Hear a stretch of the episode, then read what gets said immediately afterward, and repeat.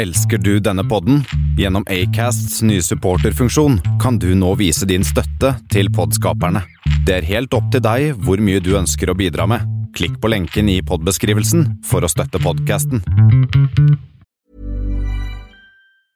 Spring is my favorite time to start a new workout routine. With the weather warming up, it feels easier to get into the rhythm of things. Whether you have 20 minutes or an hour for a Pilates class or outdoor guided walk, Peloton has everything you need to help you get going.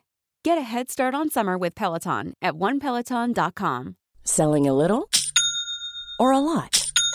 Shopify helps you do your thing however you cha-ching. Shopify is the global commerce platform that helps you sell at every stage of your business. From the launch your online shop stage to the first real life store stage, all the way to the did we just hit a million orders stage.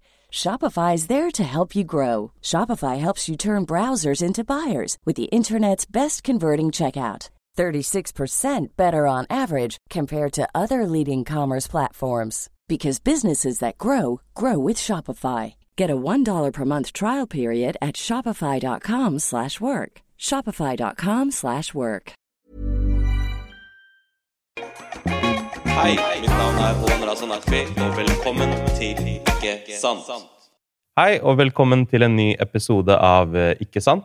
Eh, I dag så har jeg med en eh, veldig spennende gjest. En gjest som jeg er veldig glad for har tatt tiden ut av sin veldig opptatte hverdag til å være her og snakke med meg. Jeg har med meg VGs nyhetsredaktør, Tora Bakke Håndlykken. Jeg bomma litt på navnet et par ganger i dag, så jeg måtte bare se litt bort på Tora når jeg sa det. Um, målet med samtalen i dag er egentlig å snakke om media. Hvordan går det med media? Basically så er det jeg som intervjuer nå media, istedenfor at media som skal intervjue meg. Media er jo ikke bare én ting, det er jo et stort landskap av ulike um, aviser uh, og, og, folk som sender ut informasjon som um, har ulike ståsteder. Uh, hva man skal definere som media og ikke, er jo et godt spørsmål, men i dag så skal vi i utgangspunktet snakke om VG, snakke om uh, litt undersøkelser, spørsmål og fordommer og påstander og ting og tang som jeg sikkert har. Og jeg håper at jeg blir litt klokere i løpet av denne samtalen. Velkommen, Tora. Tusen takk. Hvordan går det med deg? Det går bra. Jeg har drukket mye kaffe i dag, sånn at ja. jeg er klar og våken for samtalen og gleder meg til å høre hva du lurer på. Herlig. Um, jeg er veldig glad for at du er her i dag, som sagt. Og um, noen av de tingene som jeg vil snakke om, er egentlig bare å bli liksom kjent med jobben din i det hele tatt. Hvordan er det å være nyhetsredaktør for VG? Det er travelt. Vi har jo mye å holde på med. Og så styres jo hverdagen ganske mye av nyhetsbildet, egentlig. Sånn, at, sånn som det har vært nå, med, med situasjonen i Afghanistan, Eh, og eh, andre ting som også er viktig for oss, situasjonen i Brann, fotballklubben. Ja. Da blir det mye å holde på med, så da blir dagen travel. Men det er jo noe av det som er veldig veldig bra med å være nyhetsredaktør. Da. Du kan styre mm. dagen din litt ut fra nyhetsbildet, og alle dager er veldig forskjellige. Mm. Er det sånn at du har ofte venner som uh, pitcher deg nyhetsideer, for at de vet at du måte, er den som caller chats? Ja, eh, jeg veit ikke det, men jeg får masse Det er jo veldig mange lesere som er veldig opptatt av å fortelle oss hva vi skal holde på med, og det er jo en verdi. Eh, ja. Og så har du politikere og alle mulige interesseorganisasjoner osv. Så, det er jo noen e-poster å svare på. Eh, mye avslag. Og så selvfølgelig så lytter vi til mange av innspillene som vi får også, når vi får gode innspill. Mm. Hvordan velger man For det er nettopp det, da. Det er så mye å dekke til enhver tid. Og det er alltid noen i sosiale medier som sier at Hvorfor skriver ikke tagger VG 100 ganger i kommentarfeltet og sier sånn Hvorfor skriver dere ikke om dette? Man kan jo ikke ha plass til alt. Eh, hvordan velger dere hva man har plass til og ikke? Det er vanskelig avveining i hver, hver, dag. Og som du sier, du får ikke skrive om alt. Eh, og vi prioriterer jo veldig, veldig hardt. Eh, og noen ganger så er det jo mye mer som vi ønska at vi kunne skrive om. Men vi mener at produktet vårt blir bedre hvis vi går for noe. Mm. Vi velger jo ut ifra et internasjonalt nyhetsbilde, så det er ganske mm. styrende. Eh, pluss at vi skal ha en miks av saker. Mm. Så det er jo heller ikke sånn at eh, vi bare skriver om de alvorlige temaene. Vi skal ha nyheter, sport og underholdning. Mm. Eh, men da kan det jo føles som litt feil hvis du er superopptatt av situasjonen på Haiti mm. og ser at det fins ikke på VG-fronten, sjøl om det er en kritisk situasjon der. Mm. Så kan jo det oppleves som veldig rart for en leser. Mm. Samtidig som vi står i de avveiningene hele tida. Og vi håper at vi treffer de fleste dager, at vi fanger opp det aller viktigste. Mm. Eh, men mange dager så er det også saker som vi gjerne skulle prioritert, men som vi ikke får jobba med. Mm. Det er mye som skjer i verden. Eh, en- klage som jeg eh, eh, Jeg skal ta med en klage fra min far, jeg. Gjør det. Gjør det. Få høre. Ok, Så du hadde denne demonstrasjonen utenfor um, um, Hva skal man kalle det? Regjeringskvartalet i Islamabad Mm. i Pakistan. Uh, og han savna Han så jo veldig mye på pakistanske eller sånn asiatiske nyhetsmedier. da, For han følte at den dekningen mangla her. sånn, Han kunne ikke forstå at det ikke var viktig nok. Den samme klagen har jeg jo sett veldig mye uh, på Instagram i sommer og før, for da har det vært veldig mye uh, opptøyer og, um, og demonstrasjoner i India, for eksempel, som er en stor eh, og, og veldig viktig sak, da. Eh, men det, det liksom kommer ikke med, da, og da ble han liksom furten på det. Mm, og det er jo forståelig, for at det er jo viktig i hans hverdag. Mm. Og det er viktig i, den, i det store verdensbildet, så er det en viktig eh, nyhetshendelse. Mm. Eh, men sånn er det jo hver dag også, ikke sant? Og vi må gjøre prioriteringer, fordi verden er fylt av både krig, konflikter, eh, alvorlige temaer som vi gjerne skulle dykka inn i. Mm. Eh, og så må vi gjøre et utvalg. Så prøver vi så godt som det rår å dekke over det aller, aller meste. Mm. En del ting blir jo bare registreringer, hvor vi har et sånn nyhetsstudio hvor, veldig, hvor vi får med oss mye, men heller ikke alt der. Det er umulig å ha en uttømmende oversikt. Mm. Men jeg skjønner jo at for mange lesere så er det sånn at eh, de opplever at vi ikke er innom de sakene som de engasjerer seg i. Mm. Eh, og at det kan føles, eh, føles dårlig, eller at vi er selektive på en feil måte, eller hva det måtte være. Mm. Eh, det skjønner vi, men vi gjør vår prioritering ut fra det vi tenker er, er det viktigste. Og så håper vi at leserne våre over tid da, opplever at vi fanger opp eh, generelt det viktigste i nyhetsbildet. Og så er det jo heldigvis sånn da, at i dag så kan jo folk eh, også oppsøke de nyhetskildene de ønsker. Mm. Fra der hvor vi hadde en papirhverdag, hvor du eh, hvis du bodde i Oslo og var opptatt av det som skjedde i Islamabad, så måtte du sikkert få tilsendt avisen i posten da, for, å, for å fange opp ting. Mhm. Nå har du jo masse eh, tilgang til informasjon Mm. eh, som gjør at din far kan sitte på, på nett på morgenen, Mm. eh, gå inn på, på eh, nyhetskilder også i Pakistan og få den oppdateringa. Mm. Og det tenker jeg er et gode, da. Mm. Ja, det er et gode, men det har også en bakside. Sosiale medier. Da er det jo liksom sånn, Vi lever i en tid hvor folk eh, er kanskje litt sånn forvirra eh, i forhold til hva som er samtykke. Jeg Pandemien har forsterka det veldig mye. Jeg tror veldig mange er veldig redde. Eh, og da, når ikke de finner et visst narrativ eller en viss vinkling, så begynner de å søke etter den vinklingen aktivt. Google etter det. Og kanskje begynner å havne i denne bobla da, i sosiale medier som gjør at du eh, ender opp med å være misinformert. Og så, jo mer misinformert du blir, jo mer misinformert tenker du at f.eks. VG er. De skriver jo ikke om det som er den ekte informasjonen. Mm. Så, så hva tenker du om akkurat det aspektet av det? Liksom er det, er det la, føler du at det er en lavere tillit til media eh, i vår tid nå? Det vi ser på tallene, er jo at eh, etter pandemien så har jo tilliten vokst, Mm. og at det generelt er høy tillit til eh, medier og myndigheter i Norge. Det har Mm. vi jo sett har vært et stort gode egentlig gjennom pandemien. Absolutt. Men den utfordringa som du sier der, det at folk, og kanskje særlig unge, søker mot sosiale medier og bruker det som en primærkilde. Det er mye bra med sosiale medier. Det er en tilfang til masseinformasjon. Mm. Men det er jo også en, eh, en, eh, en ulempe ved det, ved at du, som du sier, kan få feil informasjon hvis ikke du er kildekritisk, eh, og at eh, vi veit at algoritmene og alt styrer eh, sånn at du kan bli fanga litt i, i i en boble av eh, informasjon, og hvis den informasjonen da ikke er god, så kan det forsterke dine egne meninger. Så, så det er eh, fordeler og ulemper, men jeg er jo veldig glad for at utgangspunktet til eh, norske lesere er at de har tillit, og bruker, ikke minst, da, Mm. eh, et mangfold av redaktørstyrte medier, Mm. eh, hvor du skal vite at du kan stole på den informasjonen som du får, og gjør vi feil, så skal vi rette opp i det også.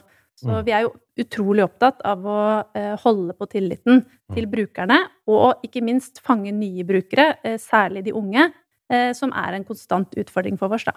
Jeg, jeg har um, Jeg er jo også journalist, og, og eh, det med å ha lært eh, kildekritikk en gang i tida, det, det har jo vært eh, utrolig viktig for, for, for min del. Det, det har vært en ting som eh, jeg har prøvd å gi videre til, til venner. Eh, for, når de sender meg en video og sier sånn Hør på hva hun dama her sier. Så er jeg sånn, men sjekk ut hvem hun er først, da. Sjekk ut hvem som publiserer dette. Sjekk ut hvem som sier dette. Men, men jeg opplever jo venner som har et ganske sånn kritisk syn til tider. Og, og det er jo ikke uvanlig at det ikke bare er um, mannen i gata på sosiale medier som har sånne meninger. Det hender jo at Um, ta for eksempel Hans Rosling, da, hvis du kjente Hans Rosling.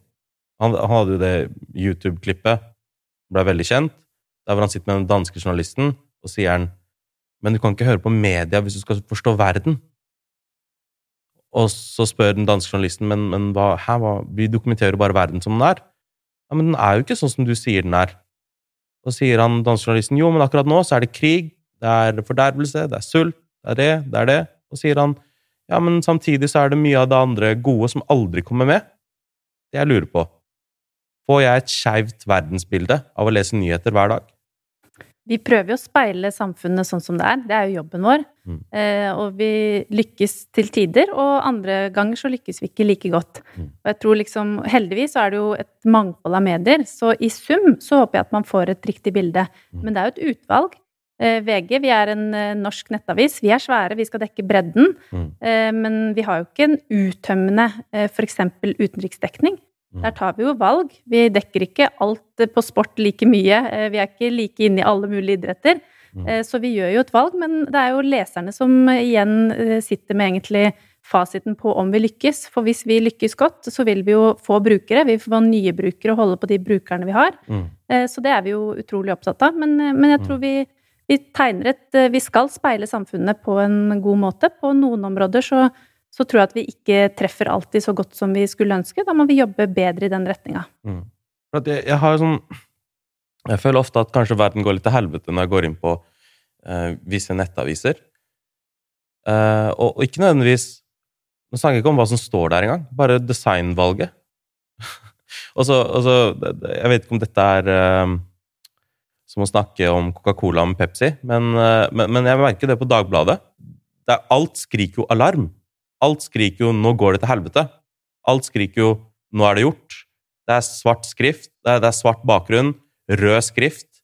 Eh, vi, liksom, det, det er ting som på en måte bare skriker alarm. Føler føler ikke at det er med på å liksom, gjøre meg bare mer redd i, i hverdagen.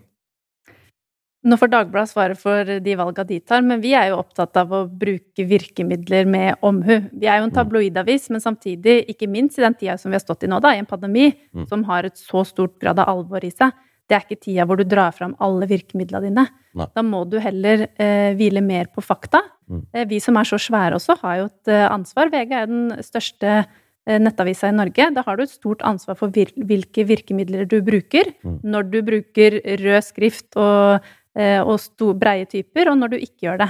Mm. Eh, Så vi tenker jo mye på det, eh, og håper jo at det ikke nødvendigvis på kort sikt, for jeg tror hvis du bruker eh, Hvis du skriker, så får du kanskje oppmerksomhet eh, den dagen.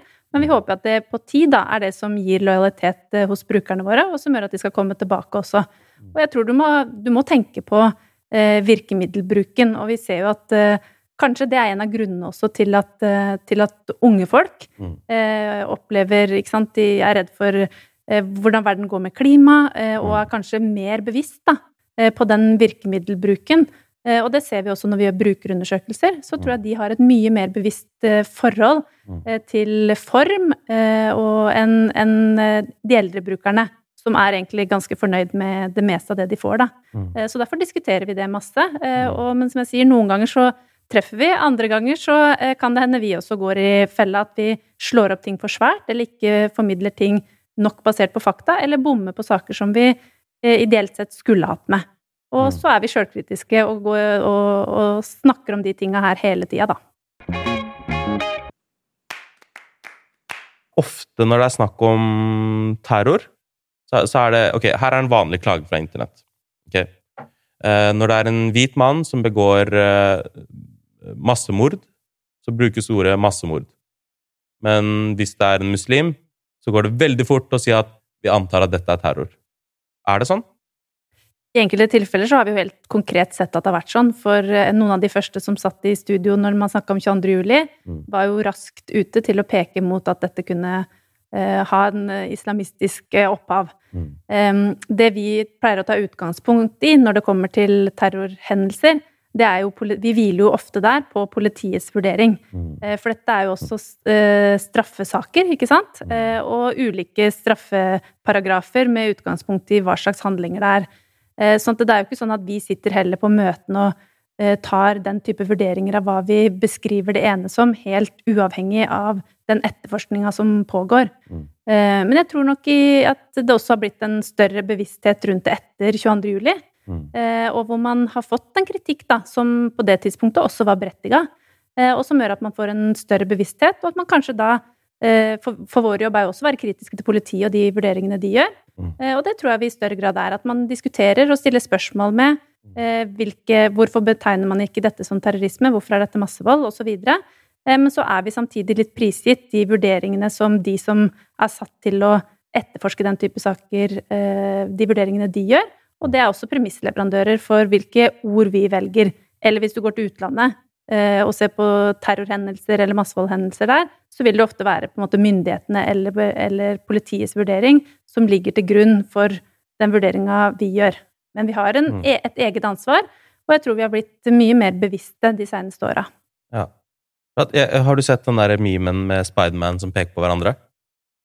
Nei, du, du representerer internett her, kjenner jeg. okay, så, så det er en, eh, en meme av eh, fire stykker som står i en Spiderman-drakt, okay. og alle peker på hverandre. Og det er litt den erfaringen jeg har. For at jeg snakka om politiet tidligere, og de Mm. sier sånn Ja, men media hjelper oss ikke, liksom. De, de, at liksom alle peker litt sånn på hverandre, da. Hvis, hvis du spør politiet, og, noe som er et annet tema, da, men la oss si etnisk profilering, sier de ja, du må se hvor satsingen er lagt inn, og, og, og mediesaker skrevet om østkanten, det forsterker at vi må sette inn innsatsen, så flere blir kontrollert, osv. Så, videre, og så, videre. så det føles ut som at um, man, man fort bare jeg, jeg skjønner at det, det er en sirkel uh, av informasjon, at, at det, det kommer ikke bare fra dere. Dere, er jo, dere responderer til hva kilder sier, eh, hva dere får vite av politiet. Så jeg, som sagt, jeg, jeg tenker ikke at det er så, så, så veldig enkelt.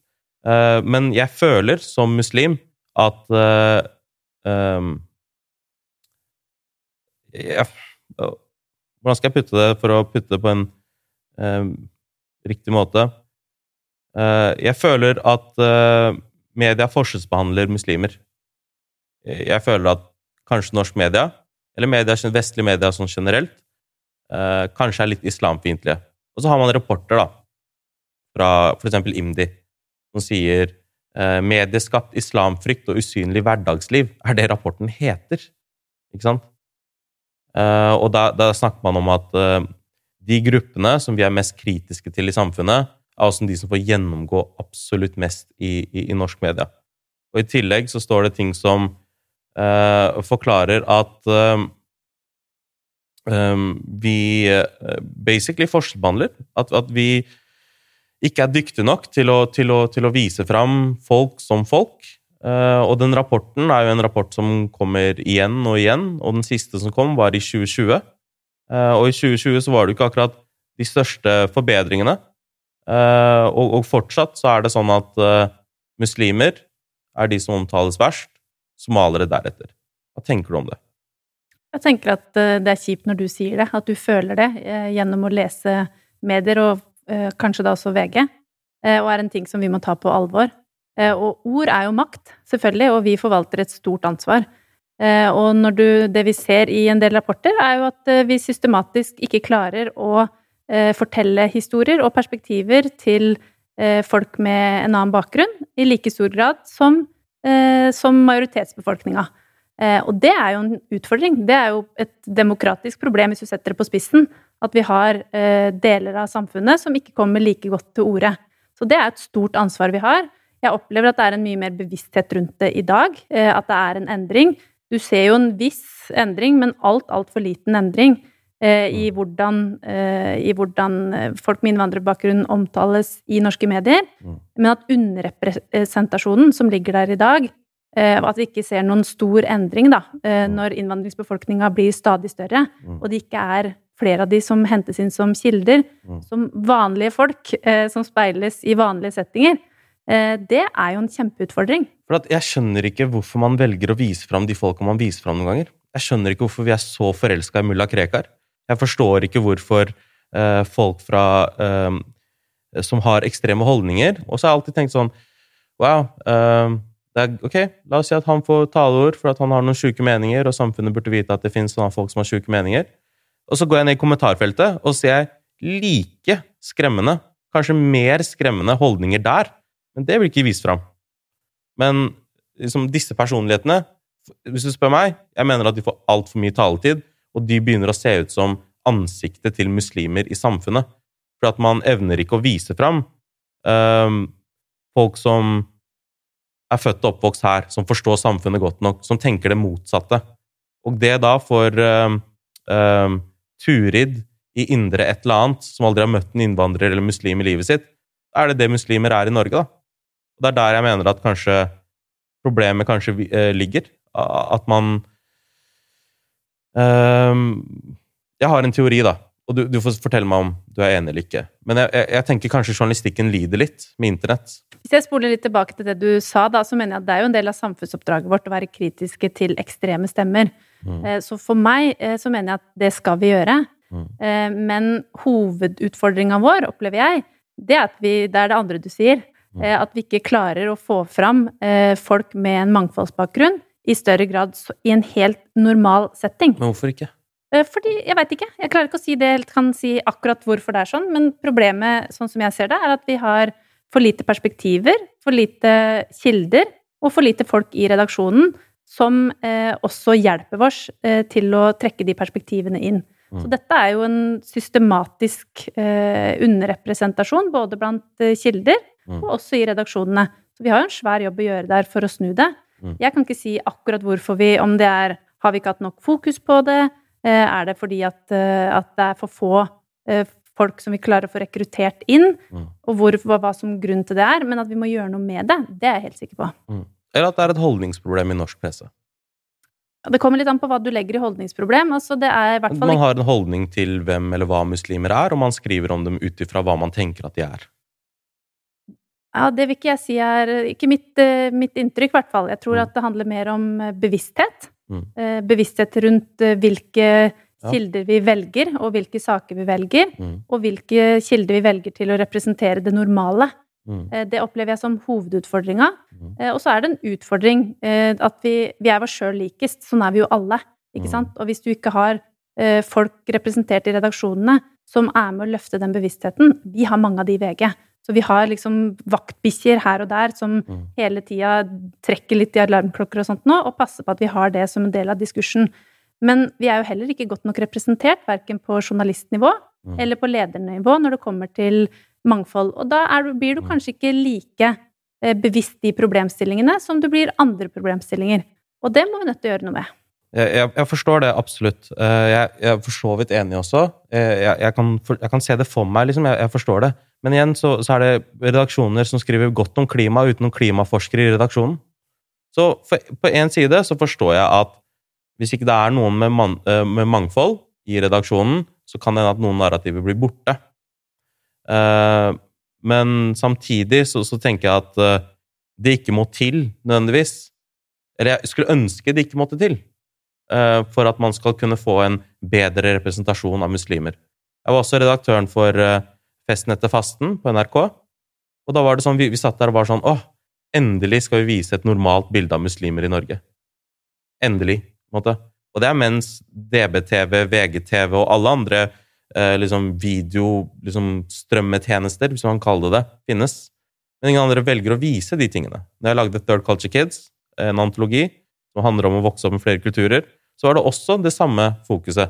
Om at helt siden jeg var liten, så var det de folka jeg så representert som så ut som meg, de var uh, ofte kriminelle. Det var veldig mye fokus på gjenger. Eller så var det ekstreme personligheter. Ref. mulla Krekar.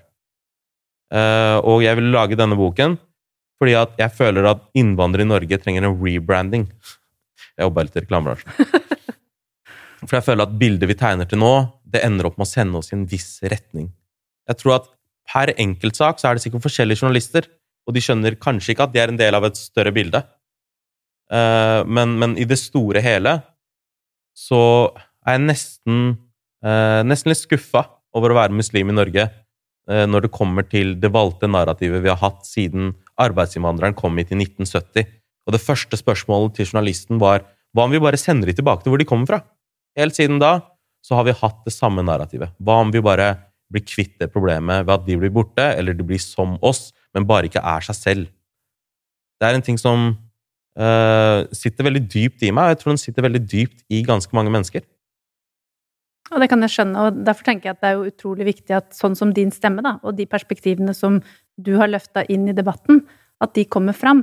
Så skulle jeg også ønske at det ikke var sånn at, uh, at du må ha folk med en mangfoldsbakgrunn for å uh, få de perspektivene inn, fordi egentlig så bør jo det være noe som vi alle klarer å være nok bevisst.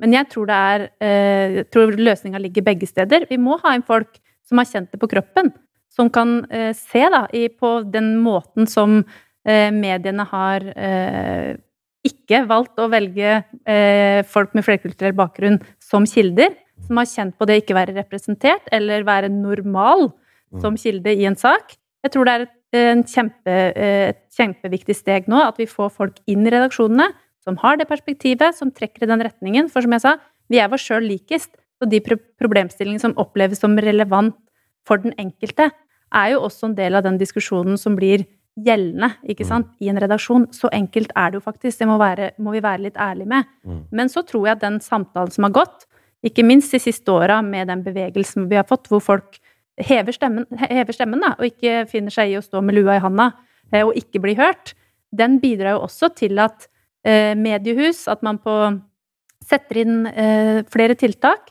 og jobber mer strukturert er opptatt av å lage rapporter hvor man viser fram at det er en underrepresentasjon. Alle de tinga her i sum tror jeg jo, eller håper jeg og forventer jeg, at kommer til å skape en enda større endring. Og så må vi jo bare gjete på, og det er jo sånne som meg, som sitter i sentrale posisjoner, som har det ansvaret til syvende og sist. Jeg håper at jeg blir eh, fulgt med på det. Mm. Ikke sant? At det skal bli bedre. Mm. For det hjelper jo ikke å sitte og si det, og så ser du år etter år at sånn som i de rapportene som du viste til, at det er faktisk ikke en utvikling. Jeg tror jo nå at sjansen for at du får en endring eh, er større, fordi at det er en forventning fra leserne våre, mm. både folk med mangfoldsbakgrunn, men også andre. Som sier at mm, journalistikken deres blir ikke relevant hvis ikke dere faktisk også viser fram sånne som meg, eller perspektivene mine. Eh, og er det noe vi er opptatt av, så er det jo selvfølgelig at vi skal ha flest mulig lesere, være relevant for mange. Eh, og at vi skal, at vi skal gjøre det vi, som er oppdraget vårt, da, å speile samfunnet i hele bredden. Mm. Absolutt. Eh, jeg, tror jo at du, du, har rett i at det er løsningen, at ikke ting må forbli det samme. Rapporten her har jo kommet ut flere ganger nå. Eh, de første tallene jeg refererte til, var sånn 2009. 2017 har det vært en ny en, der hvor tallene ikke var noe særlig bedre. Og det virker ikke som at For at ingen av eh, Jeg tror den eneste avisen som skrev om det, som intervjua meg om det når den rapporten her kom ut i 2020, så var det Vårt Land. Utenom det så var det ingen andre som valgte å skrive Altså, media valgte ikke å ta en rapport om dem selv som viktig nok. Jeg syns at det er ganske utrolig. Uh, kanskje det er noe man bare tar internt, og ikke putter på, på avissidene sine. Ja, og vi diskuterer det, og jeg opplever at i diskusjonene uh, i redaksjonen så har det vært en endring. Jeg tror den endringa, hvis vi skal være helt ærlig, så tror jeg ikke den bare kommer eh, innenfra. Jeg tror den også kommer utenfra, mm. med den bevegelsen som vi har sett, med Black Lives Matter, med på en måte den mm. forventninga som stilles til oss. Eh, og det mener jeg er et gode. Eh, vi må lytte til det. Det er viktige tilbakemeldinger, og det er ikke bare synsing, det er også understøtta, som du sier, i rapporter som systematisk har kartlagt Mm. At vi har en gruppe som er underrepresentert. Mm. Og det går jo ikke. Mm. Det er jo på samme måte som du så med kvinner. Eh, hvis du trekker deg enda lenger tilbake i tid, så vil det være ganske relevant sammenligning. Og der er det jo sånn at i dag er det jo ikke bare kvinner eh, som ikke aksepterer at det er en forskjellsbehandling. Der er det jo alle mm. som ikke aksepterer det. Mm.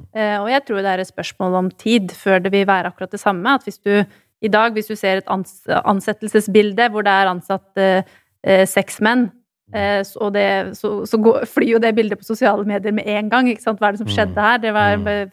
seks mann og ingen kvinner som ble ansett. Og jeg tror du kommer til å treffe ganske mye av det samme mm. når det kommer til det med mangfold. Mm. Um, så vil du være relevant framover, uh, så må du få ut fingeren, uh, og vi har vært for treige med det.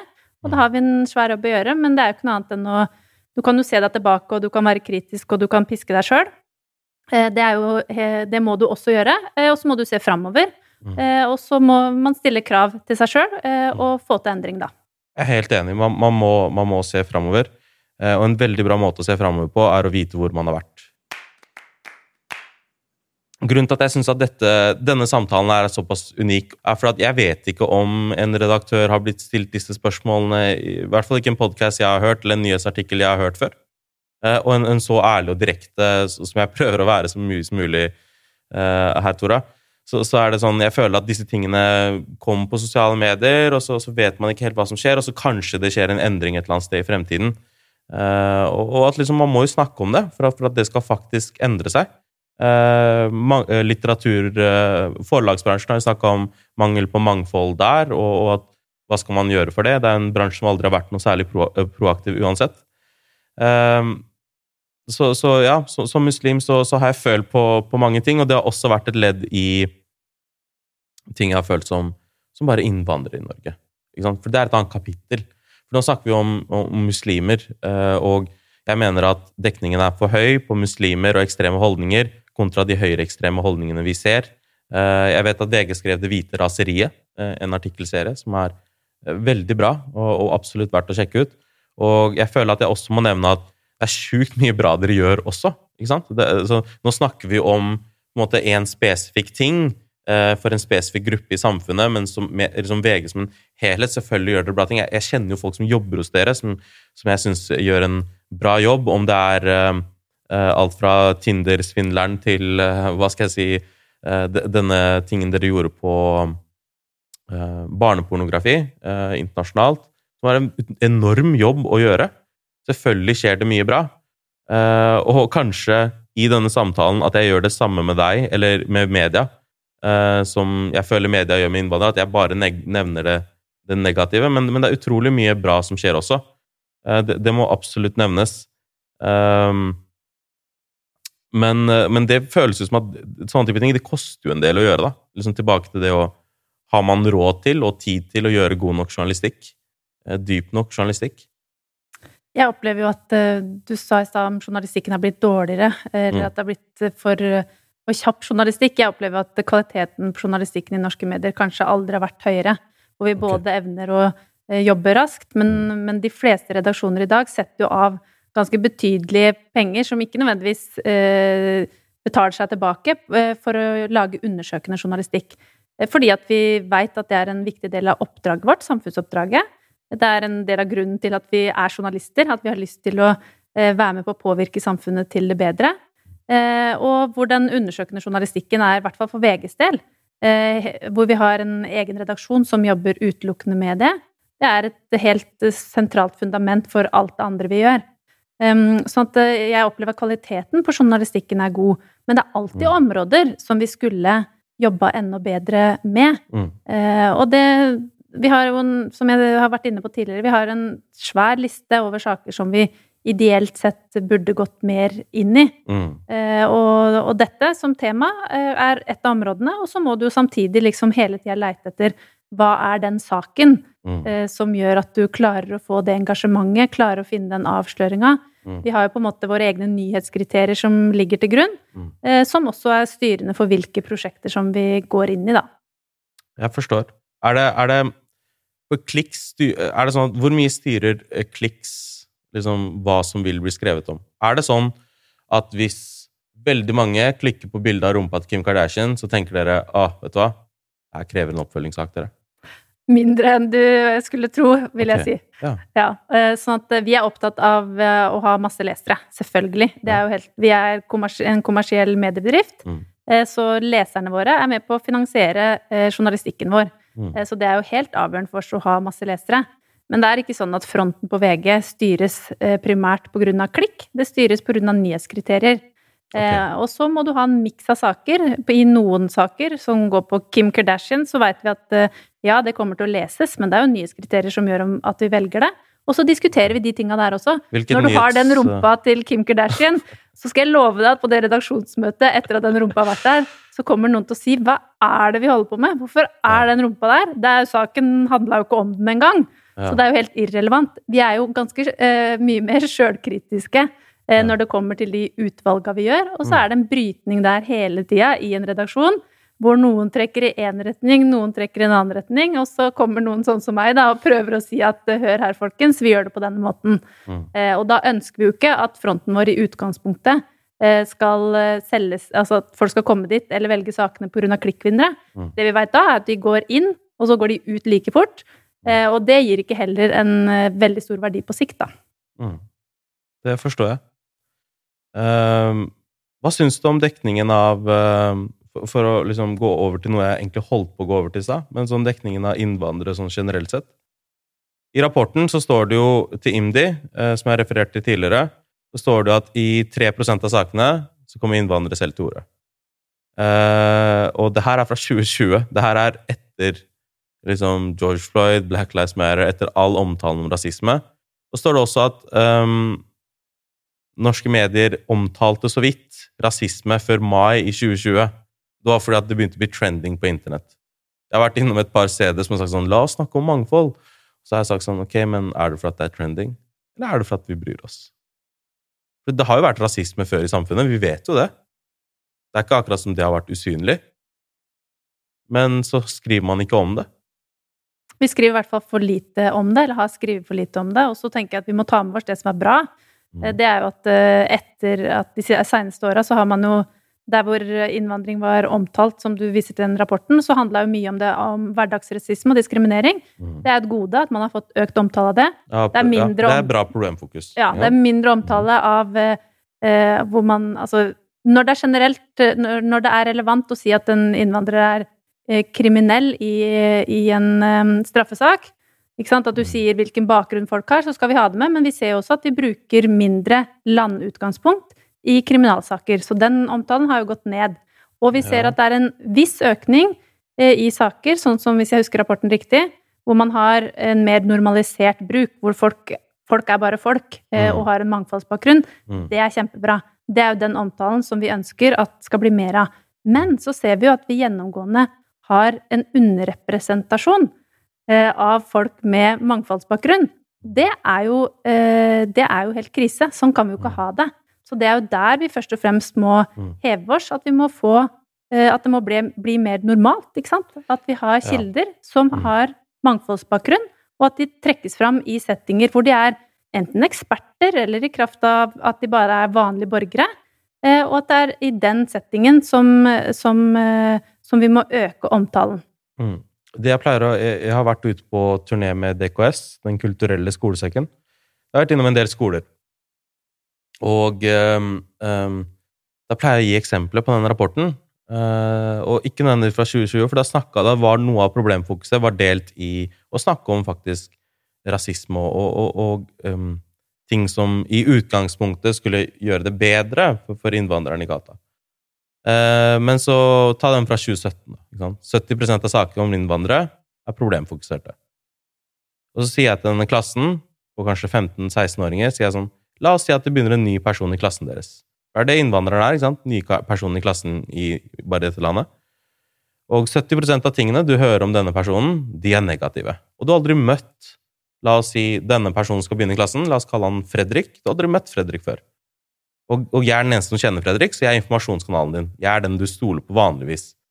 Og 70% av tingene jeg forteller deg, har med problemer å gjøre og han å gjøre. Det er ikke alltid hans skyld, men det er alltid et problem rundt Fredrik. Så begynner Fredrik i klassen deres endelig, da. Hva tenker dere om Fredrik? Om ikke dere stoler blindt på meg, så er dere i hvert fall i det minste litt sånn skeptiske. Jeg har hørt mye rart. Jeg bare tror at de tingene som vi snakker om nå, på en måte sier vi ja, ja, man må bli bedre, og ja, det er et lite problem. Men jeg føler at um, dette, og jeg ser dette i norsk film, der man elsker dødelig kulturkrasj og uh, innvandrermenn som er undertrykkere som skal sende dattera si til Pakistan uh, Disse tingene er uh, med på å holde fordommer i live. Det er det som gjør at man arver det generasjon til generasjon til generasjon. Man lærer jo det fra, man blir ikke født med rasisme, man blir ikke født med fordommer. Man får et verdensbilde fra et eller annet sted. Ja, og selvfølgelig, foreldre har mye å si. Det er ikke media sin, sitt ansvar alene. Politikerne har noe å si. Eh, skole har noe å si. Eh, området du vokser opp i, har noe å si. Eh, men eh, så, så jeg syns at det problemfokuset er eh, overveldende. Eh, hva tenker du om det? Generelt må jeg si at vi er jo litt problemorienterte, så ofte har jo journalistikken et utgangspunkt i konflikt. Mm. Men som vi har vært inne på tidligere, jeg tror det er helt avgjørende Mm. at vi eh, i mye større grad eh, får inn en normalisert omtale eh, av folk med innvandringsbakgrunn Mm. i helt vanlige saker. Som caser eh, og kilder og Men- som men det- utgangspunkt. Jeg forstår det, men uten at det er problemorientering. Ikke sant? For det er jo Ja. det som er utgangspunktet. At hvis du er, har en mangfoldsbakgrunn, så kan du være like engasjert i klimaspørsmål, eller hva det måtte være. Det trenger jo ikke være sånn at du må engasjere deg i innvandringsspørsmål eller Ja. konfliktorienterte saker. Mm. Og det er jo der vi bommer. Fordi Mm. en stor del av befolkninga vår har etter hvert en mangfoldsbakgrunn. Mm. Eh, og da må vi jo evne å eh, ha de og det som en helt naturlig del av dekninga vår. Mm. Og der viser jo tallene at vi over tid ikke lykkes med det. Og det opplever jeg som hovedproblemet. Men hvorfor tror du det er sånn? Nei, jeg tror at eh, vi ikke har tilgang til kilder i god nok grad. Jeg tror at vi må ha flere folk i redaksjonen som løfter problemstillinger Mm. eh, hvor, eh, hvor eh, den type spørsmål som eh, Eller henter inn kilder fra ulike miljøer. Mm. Eh, og så tror jeg at vi må bli be mer bevisst. Mm. At vi må speile eh, samfunnet sånn som det er, Mm. og at vi ikke gjør det eh, i stor nok grad i dag. Fordi det er slått fast, for det har vi jo tall på igjen og igjen, og vi ser at det blir ikke noe bedring. Og da har vi en jobb å gjøre. Eh, grunnen til at jeg spør deg det så direkte, hvorfor tror du det er sånn? Og, og så må du liksom ha et svar på sånn her hele mediehistorien de siste 50 årene. Eh, det, det er fordi at eh, jeg, jeg bare tror at det er et holdningsproblem. Jeg, jeg tror samme problem som noen andre med fordommer har. Altså, journalister er jo bare vanlige mennesker, og, og de også er et produkt av samfunnet rundt seg. Som det jeg er, eller du er, eller hvem enn andre som lytter er. Og jeg tror bare at um, um, vi fortsatt er uh, under kloa til, til fordommer fra fortiden, og at de ikke helt har sluppet taket helt ennå.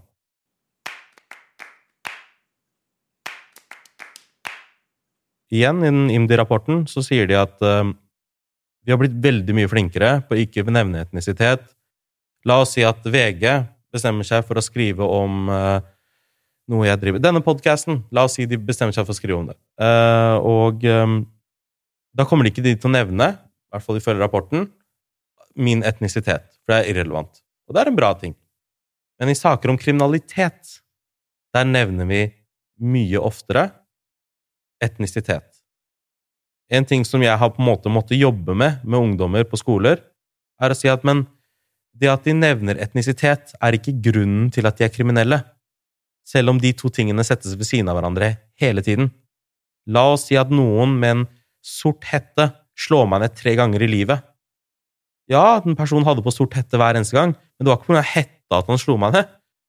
Det var jo av de tingene han har opplevd i livet. Basic psykologi. ikke sant? Sånn, du, du opplevde noen traumer i livet, dårlig oppdragelse, kanskje følte deg utenfor i samfunnet. Alle disse forklaringene man ofte får til hvorfor folk blir som de blir. Fattigdom er en, fattigdom er en gjennomgående greie. Um, så, så jeg føler at, um, at, at etnisitet er At selve sånn dekningen av det Jeg skjønner ikke hva det bidrar til. Det vi har sagt, er jo at hvis du skal omtale eh, bakgrunnen til, eh, til en person som blir tatt for en kriminell handling, så må det være relevant. Og vi ser også av tallet at man i mindre grad enn tidligere eh, nevner landbakgrunn. Men når er det relevant, da? Nei, ta, hvis jeg jeg er fra Skien og gjør en voldshandling i Oslo, så ville jeg jo sagt at ofte så har vi det med, men mange ganger har vi ikke med hvor du kommer fra. Mens hvis jeg derimot begår en kriminell handling i Skien eller mot noen fra Skien, så kan det være relevant å ha det med. Ikke sant? Sånn som i tilfellet på den Holmlia-gjengen, eh, så hadde vi jo med det båndet som eh, den gjengen hadde til, eh, til eh, grupper, kriminelle grupper på Balkan. Mm. Da var det jo relevant at enkelte av de sentrale skikkelsene i den gjengen også hadde en bakgrunn fra Balkan. Det var ikke et hovedfokus i saken, Mm. men det var relevant. Sånn at jeg mener du må jo, Og det er jo en skjønnsmessig vurdering på hver enkelt sak. Vi ser at vi Mm. bruker det i mindre grad. Så veldig mye av eh, Hvis du er født i Norge eh, og er norsk statsborger, eh, om du har en annen bakgrunn, så nevnes det ikke. Men i enkelte tilfeller så kan vi jo se at det er relevant for saken, og da har vi det med. Mm. Jeg skjønner. Det er en vanskelig jobb du har begitt deg selv ut på, Tora. Det er, det er en, akkurat som denne samtalen er sånn. Det er, liksom, det er tunge spørsmål. Og det er sikkert sånne spørsmål som eh, du møter på i alle kategorier, på en måte. Om jeg hadde vært eh, eh, utelukkende klimaaktivist, så hadde sikkert spørsmålene mine vært i denne duren her sånn med klima. Eh, det som er bra, er at tilliten er der i samfunnet. Det var den rapporten du nevnte tidligere. Tilliten er jo der. Eh, og jeg tror ofte at vi i et land som Norge snakker om å gjøre bra bedre i, i, i mange tilfeller. Jeg bare hadde veldig sterkt behov for å ha denne samtalen med deg. For at denne samtalen her skal eksistere i det hele tatt. Der hvor vi, vi snakker om eh, den følelsen som ofte kommer fra sosiale medier, som jeg ser ofte, ikke sant? Om at medier misrepresenterer på et eller annet vis. Uh, og, og, og, sånn som du sier det, dere prøver deres beste på å representere de historiene, og det er en vurdering per sak. Dere har ikke tid til å gjøre absolutt alt. Det er ikke fysisk mulig for dere å skrive om uh, både Jemen, Haiti, Gaza og disse tingene her. All, alle katastrofene i verden samtidig, men at dere prøver deres beste. Det er ofte det svaret man ender opp med også, med Når snakket med politiet også, er det at selvfølgelig går det ikke alltid bra, men vi prøver jo vårt beste. Vi har de beste intensjonene. Mitt tips er jo egentlig eh, selvfølgelig at jeg håper jo da at eh, La oss si det kommer ut en sånn ny rapport i 2023-2025, et eller annet sånt noe. At man kan si at å, shit, det kapitlet kanskje er over. At det er noe som ikke skjer lenger, på en måte. Um, men kanskje det må en ny generasjon av journalister til. Jeg fikk høre av en redaktør en gang, som jeg hadde, jeg skal ikke nevne hvor, at problemet, Ån, det er de som ikke forstår helt hva problemet er. Og jeg tror at hvis folk som lytter til dette, vet dette også bedre også, kanskje neste sak hvor de ser at etnisitet er nevnt, at de også leiter etter litt mer mening at hvorfor er det nevnt. Jeg syns jo det er veldig bra at vi har den samtalen her. Eh, for at den eh, Jeg tenker jo at eh, det er bra også at lesere leser en artikkel, er kritiske og kommer med, gjør sin refleksjon rundt det. Mm. Fordi det er ikke alltid det vi gjør, er riktig heller. Mm. Ikke sant? Så den type samtale som vi har nå, eh, den er jo med på å bidra eh, til å øke bevisstheten eh, hos meg, men at samtalen er i samfunnet generelt. Mm. Det er jo med på å øke bevisstheten hos medier og alle journalister. Vi lever ikke i et vakuum. Og jeg tror heller ikke at jeg sitter på en fasit. Eh, vi prøver jo å hente inn ulike perspektiver. Vi må ha mer mangfoldsperspektiver eh, inn i redaksjonene. Og så er det mm. superbra at vi har denne type samtaler, mm. som gjør at vi hele tida eh, får en, liksom en knokk i huet som sier er dere virkelig bevisst nok de problemene her, mm. når vi ikke ser en endring? Og så håper jeg at Jeg er ikke, noen, jeg er ikke naiv heller, så jeg tror ikke nødvendigvis at den rapporten, når den kommer om tre eller fire år, at det bare er roser eh, i den rapporten da. Jeg tror at eh, dette er en jobb som vi må minne oss sjøl på hele tida at er viktig. Mm. Og at vi må få til den endringa som jeg sitter her og snakker om, da. Mm. Hvis ikke det er vilje bak de orda, mm. så blir det ikke noe endring heller. Så vi må fortsette samtalen, og vi må faktisk få til den endringa som vi sitter og diskuterer. Mm. Og og så håper jeg, som du, eh, at eh, det vil være bedre mm. eh, om tre år. Men det blir ikke bedre hvis ikke vi faktisk gjør noe med det. Siste spørsmål. Som redaktør, hva er ditt tips til andre journalister som lytter? Andre redaktører som kanskje lytter? Andre medievitere, mediekritikere, kall det hva du vil. Ehm, for vi har snakka veldig om mangfold og dekning og, og, og, og gjenspeile samfunnet. Uh, og du sier at man må bli bedre på det. Og jeg antar at VG har en eller annen plan, Ansette flere, mer mangfold og snakke mer om dette, ta det opp, finne vinklinger. Det er de svarene man vanligvis får. Men hva hva er ditt tips til, til de, som, de, som, lytter til denne samtalen? Hva skal de sitte igjen med? Jeg tror de skal ha hørt på det du sier. Mm. Eh, for du har sagt eh, mye viktig og klokt, som er eh, perspektiver som det er viktig at vi har med inn når vi tar ulike valg. At vi må bli enda mer bevisst mm. når vi tar de valga. Fordi ord spiller en rolle. Ting du opplever som en kjapp vurdering der og da, spiller en rolle i det store bildet. Ord er makt, som jeg sier. Og så tror jeg vi som er ledere, vi har det største ansvaret, eh, fordi at eh, vi skal jo sette retning eh, for bedriftene. Og da tror jeg, det, tror jeg på det helt konkrete. Da må vi lage mål som viser at vi flytter oss. Og så må sånne som du fortsette å følge med de rapportene og kalle meg inn på teppet når det viser seg at, at vi ikke har klart å levere på de måla. Så skal vi levere på de måla, da. Det er jo planen. Tusen takk for at du var her, Tora.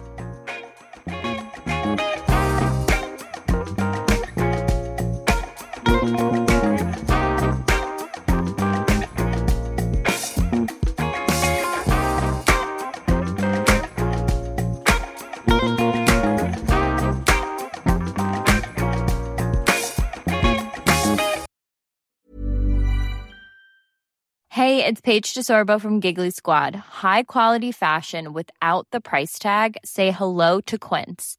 I'm snagging high-end essentials like cozy cashmere sweaters, sleek leather jackets, fine jewelry, and so much more. With Quince being 50 to 80% less than similar brands. And they partner with factories that prioritize safe, ethical, and responsible manufacturing. I love that. Luxury quality within reach. Go to quince.com slash style to get free shipping and 365 day returns on your next order. Quince.com slash style.